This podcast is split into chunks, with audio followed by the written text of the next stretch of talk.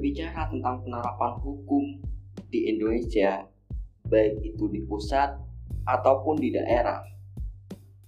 Sudah menjadi pengetahuan umum bahwa setiap undang-undang yang akan diterapkan tidak semuanya berjalan efektif. Kadangkala ada saja undang-undang yang tidak berlaku bahkan mengalami penolakan dari masyarakat. Hal itu tidak lain karena sifat dari hukum tersendiri yang menyatakan bahwa hukum bersifat memaksa atau dari beberapa faktor lainnya. Salah satunya dari pihak penyelenggara yang kurang efektif dalam penerapannya. Nah, kali ini saya bersama Ramdhani akan membahas sebuah skripsinya dia. Tentunya dengan sebuah judul Efektivitas Penerapan Perundang-undangan Daerah.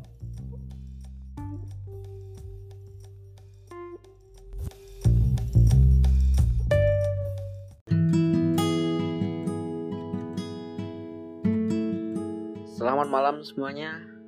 Bertemu lagi bersama saya Syahrul Faulifa. Di kesempatan kali ini aku membuka program baru dengan nama Skripsian Yuk. Nah, pada kesempatan kali ini aku tidak sendirian dong. Tentunya aku ada seorang teman yang sudah menyelesaikan skripsinya yang saya undang di podcast saya. Siapa namanya? Langsung kenalan aja ya biar kita tidak terlalu ke mana-mana gitu. Kenalan dulu Dan. Oke, okay. uh, eh, perkenalkan nama saya Ramadhani. Saya uh, kuliah di UIN, di UIN Malang, jurusan Hukum Bisnis Syariah tahun angkatan 2015. Jadi saya alhamdulillah diberi kesempatan untuk lulus tepat waktu di tahun 2019, tepatnya di bulan Agustus. Ya itu tadi biodata dari Mas Dani teman saya. Teman mana? Teman dari rumah sih sebenarnya. Dan di podcast kali ini bersama Mas Dani aku ingin men, apa ya ingin mencari tahu tentang bagaimana sih Mas Dani menjelaskan apa me, menyelesaikan tugas akhirnya ini gitu ya. Oke gitu kan Dan betul kan? Oke siap yang pertama ini gue mau nanyain tentang judulnya dulu ini Dan. Nah sebenarnya judul yang Dani pakai ini apa judulnya gitu? Baik uh, sebenarnya judul itu saya nemunya secara mendadak sih, secara spontan. Oh, spontan gitu. Iya, ya. secara spontan. Cuma uh, dengan dengan spontan itu nanti uh, judul itu saya kembangkan lagi lebih menarik lagi. Jadi judul saya yang saya ambil sekarang itu hmm? yang berjudul Efektivitas Penerapan Peraturan Daerah Kabupaten Jember nomor 6 tahun 2008 tentang pedagang kaki lima di Rumah Sakit Subandi Kabupaten Jember kajian integratif hukum positif dan hukum masalah masalah masalah mursalah. Oke oke oke itu berarti pengkajian tentang masalah efektivitas hukum gitu ya? Ya jadi ada sebuah perda di sebuah uh, uh, kabupaten Jember hmm. itu yang mana perda itu menerapkan sebuah aturan. Iya ya. Nah cuma terjadi di, eh, di lapangan itu terjadi pergejolakan yang mana kayak semacam berlawanan dengan hukum itu gitu loh. Oh, Jadi gitu. Saya meneliti ini kenapa? Ya karena ya, terjadi terjadi kenapa ya antara perda yang di yang isi perda itu dan hmm. dengan kenyataan di lapangan kok nggak sama. Nah, di situlah menariknya kenapa saya itu mengambil uh, judul itu gitu. Oke, berarti itu alasan Mas Dani mengambil itu karena tidak ada sinkronisasi antara ah. undang-undang dengan ya. dengan kenyataan yang ada di lapangan seperti iya, itu ya. Seperti itu, hmm. betul sekali. Makanya oh. Di, di undang-undang itu menyebutkan seperti ini, udah di, di, di aturan udah di, di, diatur seperti sedemikian rupa, ya ternyata hmm. di lapangan seperti ini. Nah, kenapa kok terjadi masih terjadi tetap terjadi itu padahal udah ada undang-undang kok kayak semacam uh, adanya undang-undang kok sepertinya tidak ada, kok tidak berlaku. Nah, itu yang saya uh, ingin teliti, yang menarik gitu ya? banget gitu loh. Oke.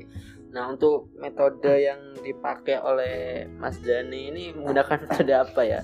Oke, untuk menyelesaikan uh, metode yang saya gunakan untuk menyelesaikan skripsi ini hmm. ya jelas lapangan lah ya. Kalau di dalam uh, fakultas saya itu bahasa kerennya empiris. Nah, oh, itu penelitian hmm. lapangan. Nah, kalau kalau penelitian secara boleh ini apa dijelaskan perbedaan antara kan sebenarnya ada berapa sih? Ah, kalau sebenarnya metode penelitian itu ada dua. Oh, yang ada saya, dua. Yang saya tahu ya ada Hmm. dua.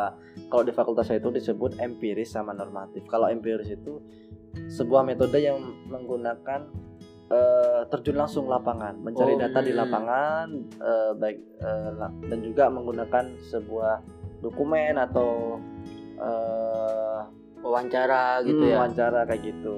Terus Hmm. bedanya untuk yang empiris sama apa tadi Normatif. Ah, Ya, kalau normatif. kalau untuk yang normatif itu dia tuh menggunakan buku-buku atau undang-undang yang ada atau dokumen-dokumen pendukung yang lainnya seperti skripsi yang dulu Oh, gitu. gitu. Jadi sumbernya pure banget ngambil di buku-buku. Jadi dia tuh harus kalau emang, emang mau ngambil penelitian itu harus banyak buku. Hmm. Kuncinya itu. Itu.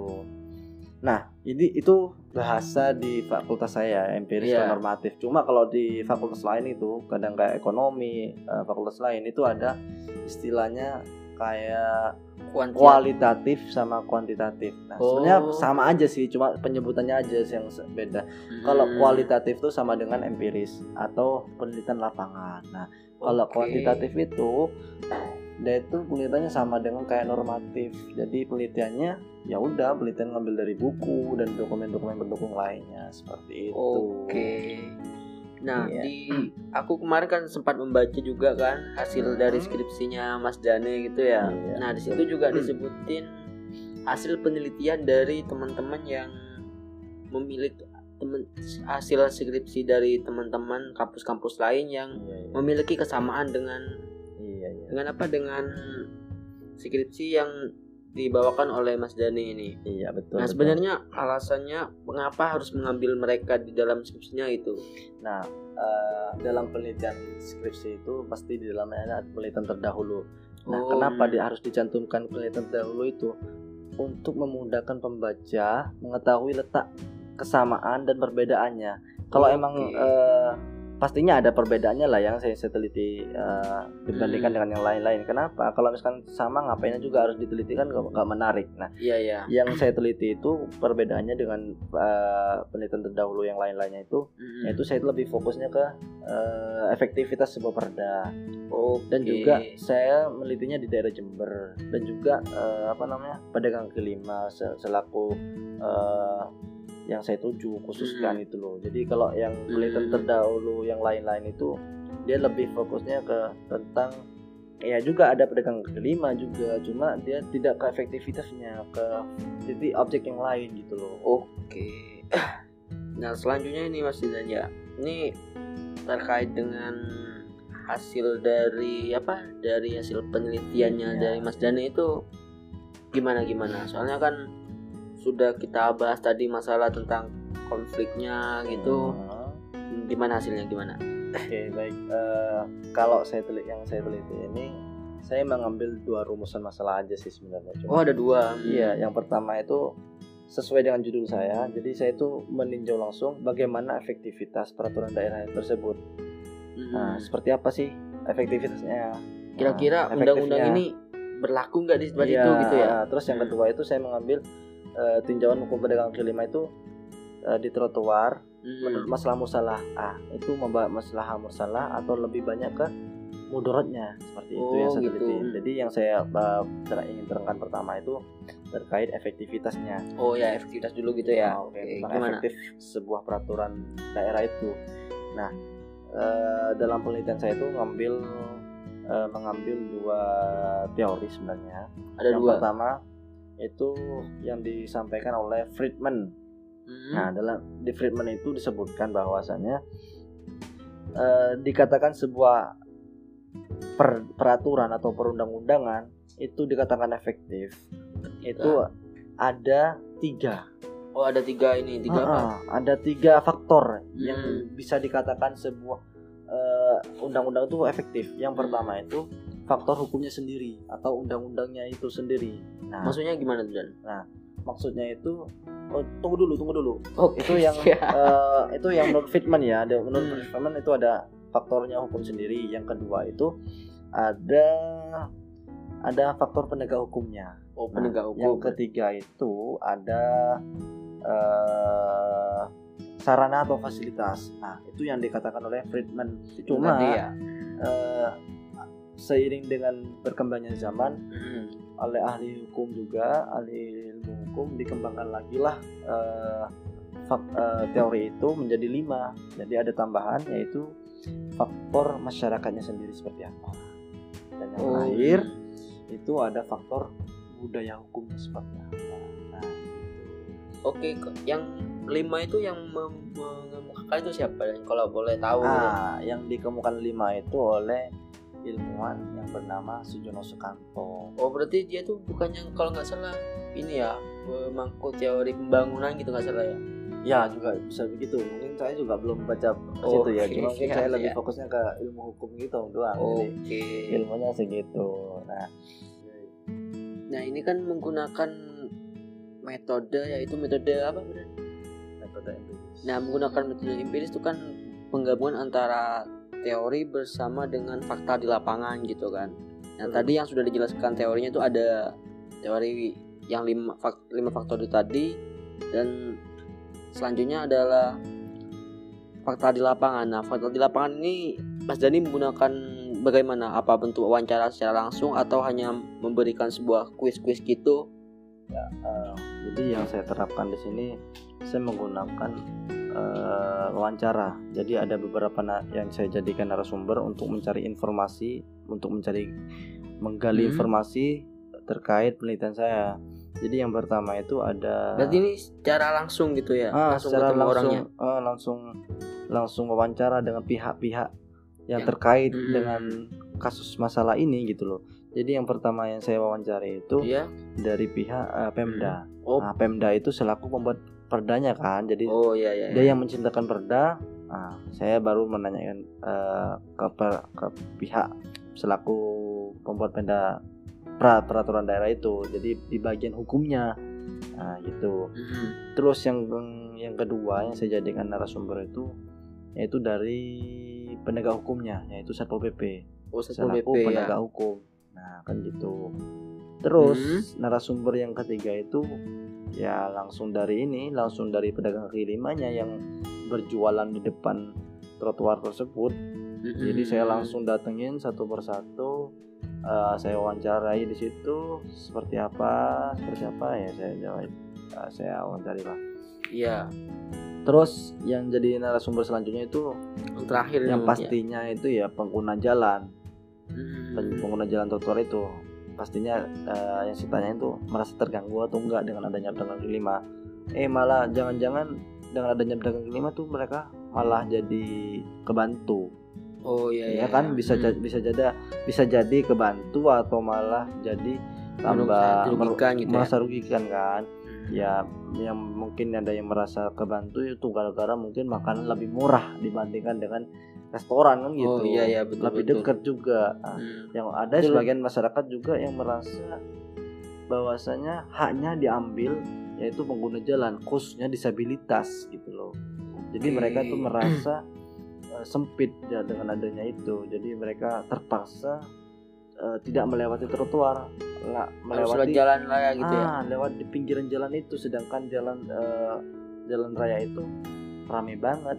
Bahkan ada truk trotoar bahkan truk truk besar itu jadi Lewat di situ juga gitu ya? ada nah, itu alasannya mereka kenapa ada yang merasa dirugikan kayak gitu Nah dari kedua hal tadi dari yang pertama itu dari teori-teori yang sudah diambil tadi Hmm. beserta dengan awal fakta yang ada di lapangan ini kesimpulan yang diperoleh oleh Mas Dani ini seperti apa? Secara umum aja dulu Mas biar apa tidak terlalu mendetail gitu. oke secara umum ya secara umum eh, yang saya ambil dari kesimpulan penelitian saya itu yang di Jember itu ternyata Iya. dari hasil wawancara itu ya dari hasil wawancara dari beberapa narasumber itu Iya. yang saya tangkap dan yang saya analisis perda itu belum dikatakan belum dikatakan efektif karena Oh. banyak beberapa faktor ya kan mulai dari hukumnya sendiri nah mulai dari penegak hukumnya dan juga dari apa namanya Dari masyarakat. sarana sarap sarana dan fasilitasnya terus dari masyarakatnya terus dari faktor budayanya nah, itu masih ada beberapa yang belum terpenuhi sehingga Hmm. itu mengapa saya berani mengambil bahwasanya eh, perda itu belum efektif contohnya loh ya Iya. kayak faktor hukumnya nah dalam undang eh, dalam eh, dalam sebuah perda itu disebutkan bahwasanya jadi dalam pasal eh, 14 ayat 1 itu Iya. dalam Perda nomor 6 tahun 2008 tahun 2008 itu disebutkan Hmm. bahwasanya setiap PKL yang melanggar eh, ketentuan dalam pasal tersebut kena pidana, diancam pidana kurungan paling lama 6 bulan eh, 6 tahun dan atau denda sebanyak 50 50 juta. Nah, ya kan bagi mereka yang Berjual. Ah, yang berjualan selaku pedagang kelima yang mayoritas eh, masyarakatnya menang ke bawah mana mungkin bayar 50 juta kadang mereka makan sehari-hari aja eh, Pasti ya, repot gitu masih ya. repot kan ya Hmm. nah itu cocok melambangkan gitu. itu pas nggak diterapkan di, di Jember itu kan kayak gitu Iya sih kalau dipikir-pikir memang Nah. merasa dirugikan gitu. Nah ternyata setelah itu. saya ternyata setelah saya wawancari beberapa narasumber seperti para pedagang kelima itu, jadi Iya. ternyata emang nggak diterapkan peraturan itu. Jadi eh, maksudnya ketika ada yang melanggar, ada eh, satpol PP itu meng- mengingatkan dulu terlebih dahulu. Oh dalam bentuk peringatan gitu ya. Pertama itu dalam bentuk peringatan, Mhm. SP namanya, surat peringatan. Oh ya. Baru itu kedua, hari ketiga baru itu pertindakan. Kalau misalkan nanti ada yang masih tetap, Tetap. berjualan, Mhm. nah di situ cuma kayak semacam pembubaran. Oh pembubaran maksudnya Ah, dalam pembubaran ditutup gitu total gitu. ah ditutup, Mhm. disuruh tutup itu. Bahkan ada yang pernah bilang itu, ada yang pernah nyampaikan saya barangnya sampai dilempar, ada yang sampai diambil. Di- diambil gitu ya, Ah. dirampas lah. Nah, Ternyata dan Mhm. setelah saya sa- eh, wawancara juga adalah beberapa uh, pedagang kaki lima, menariknya lagi di situ. Iya. ternyata dibolehkan berjualan di trotoar itu di jam-jam tertentu. Nah, kan Oh. hmm. terjadi gimana coba? Ya kan Dari segi menarik kan ya. juga ini ya apa? Ternyata di situ membol dibolehkan berjualan di situ dari jam 11 siang. Ada yang juga mengatakan dari jam 1 Hmm. itu sampai subuh. Itu boleh. Asalkan nanti setelah berjualan tempat tetap bersih. Tuh. Nah, sedangkan peraturan sendiri disebutkan tidak boleh berjualan di situ. Iya, tidak boleh sudah eh, menjualan di situ. Ya biasanya Apabila dia melanggar, tetap kena sanksi pidana. Nah, berarti di situ di situ udah ada terjadi ketidak ya, Ah. kesadaran gitu kepada hukum itu ya. iya kan? Ada pelecehan lah istilah Hmm. Pak. Kasarnya gitu ya. Eh, Pelecehan terhadap hukum. iya kan, udah ada hukum, ada udah ada ada udah ada peraturannya, Hmm. tapi kok masih kayak gitu kan gitu. Nah itu dari segi hukumnya dan juga dari segi penegak hukumnya kayak Hmm. gitu. Nah, Terus udah gitu. Yang ini dan apa? Kalau dari hasil wawancara yang Hmm. Dani lakukan gitu ya. Mas Dani sebenarnya lebih ber, bukan berpihak ya apa ya? Lebih condong ke mana, lebih percaya ke mana gitu ketika ada sebuah hasil wawancaranya itu yang memiliki perbedaan gitu. Lebih condong ke percayaan kepada siapa gitu. kembali lagi ke niatan awal. Jadi Hmm.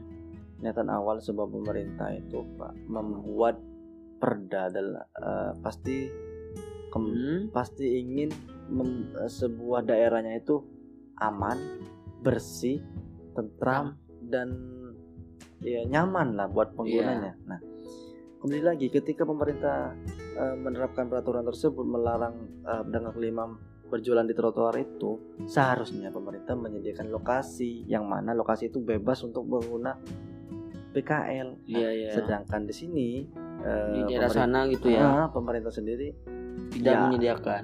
menyediakan sih di Hmm. dia dia alun dan di, juga di pasar. Ya kan? Oh. udah menyediakan sebenarnya di pasar Hmm. cuma karena mereka merasa para pedagang kelima itu merasa pedagang dagangnya sepi akhirnya kembali lagi. Ke tempat ke semula tempat semula. Kayak di gitu. dekat rumah sakit itu Ah, ya. rumah sakit itu.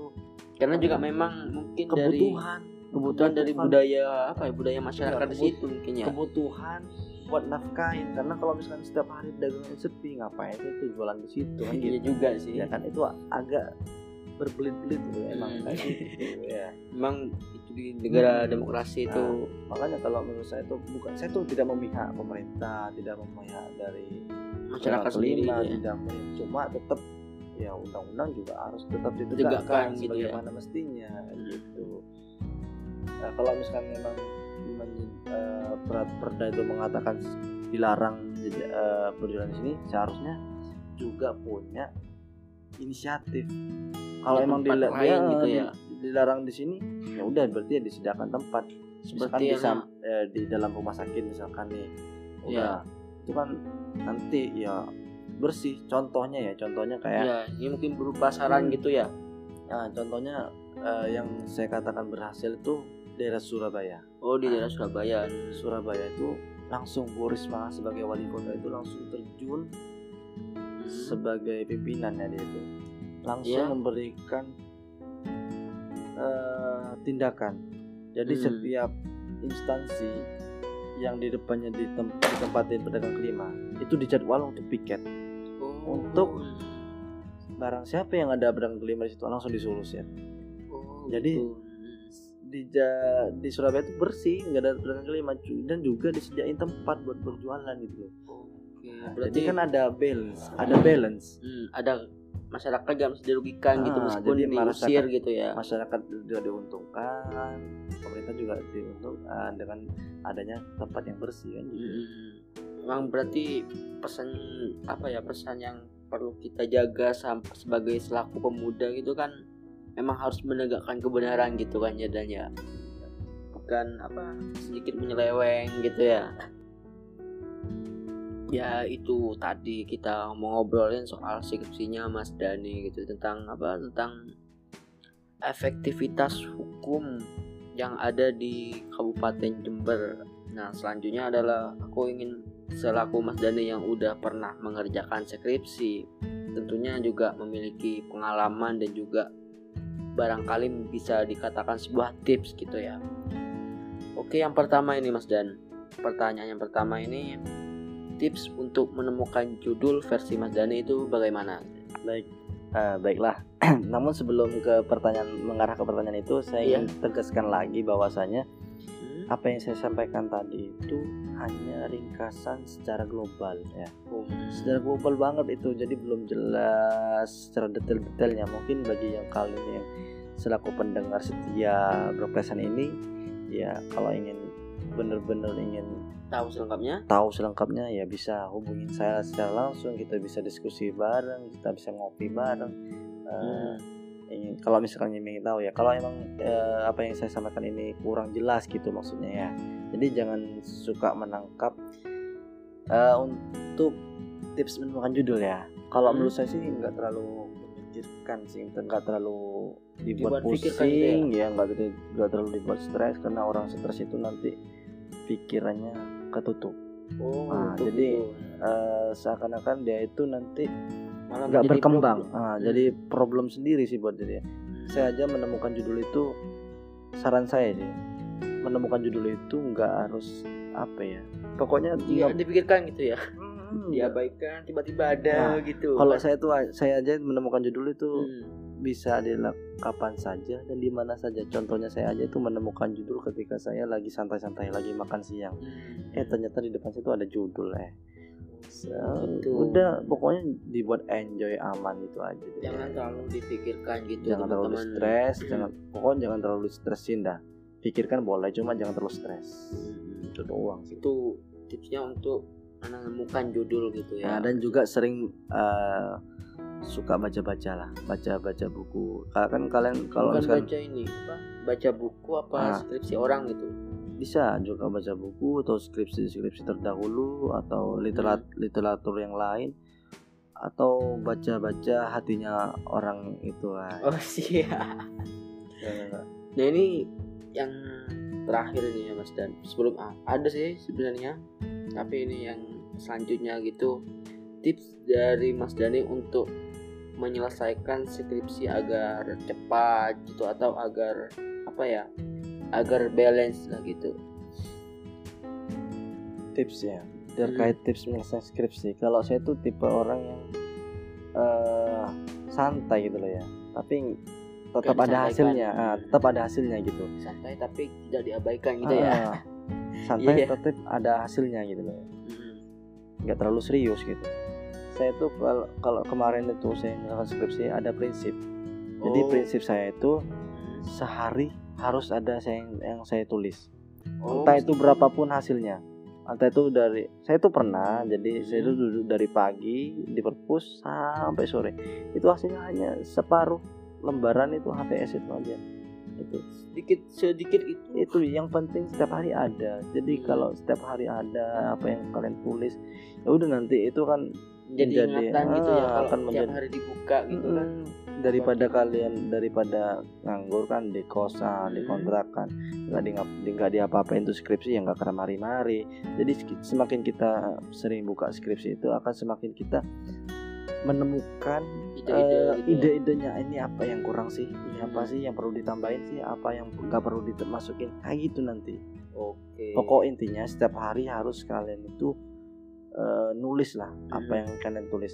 Tenang kalian tuh punya uh, dosen pembimbing. ya masalah bener atau enggaknya urusan belakang urusan masalah uh, urusan dosen pembimbing. Hmm. tulislah apa yang ingin kamu tuliskan masalah bener atau enggaknya ada dosen pembimbing gitu bosku berarti kalau saya simpulkan dari tipsnya itu yang pertama bangunlah suatu prinsip. Yang kedua adalah bukalah skripsimu setiap hari gitu kan ya mas iya bisa okay. jadi.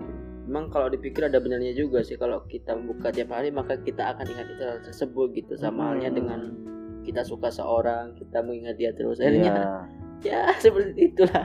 Uh, jadi kalau udah semester akhir tuh kurang-kurangnya baca-baca status orang. Ya. ya itu dari Mas Dani itu. Terima kasih ya Mas Dan. Okay, sampai okay. jumpa di apa di lain waktu. Mungkin kita akan ngobrolin hal-hal yang lebih lainnya lagi sama Mas Dani gitu ya. Siap siap. Boleh boleh boleh. Kapan-kapan bisa lagi oh iya berbincang santai lagi dengan saya sebatas informasi juga buat teman-teman yang masih ingin penasaran dengan skripsinya Mas Dani yang tadi disimpulkan secara umum kalian bisa hubungi Mas Dani nanti masalah kontak personnya akan saya jelaskan di deskripsi podcast ini ya. Oke, Terima kasih. Siap. Sampai jumpa di episode selanjutnya.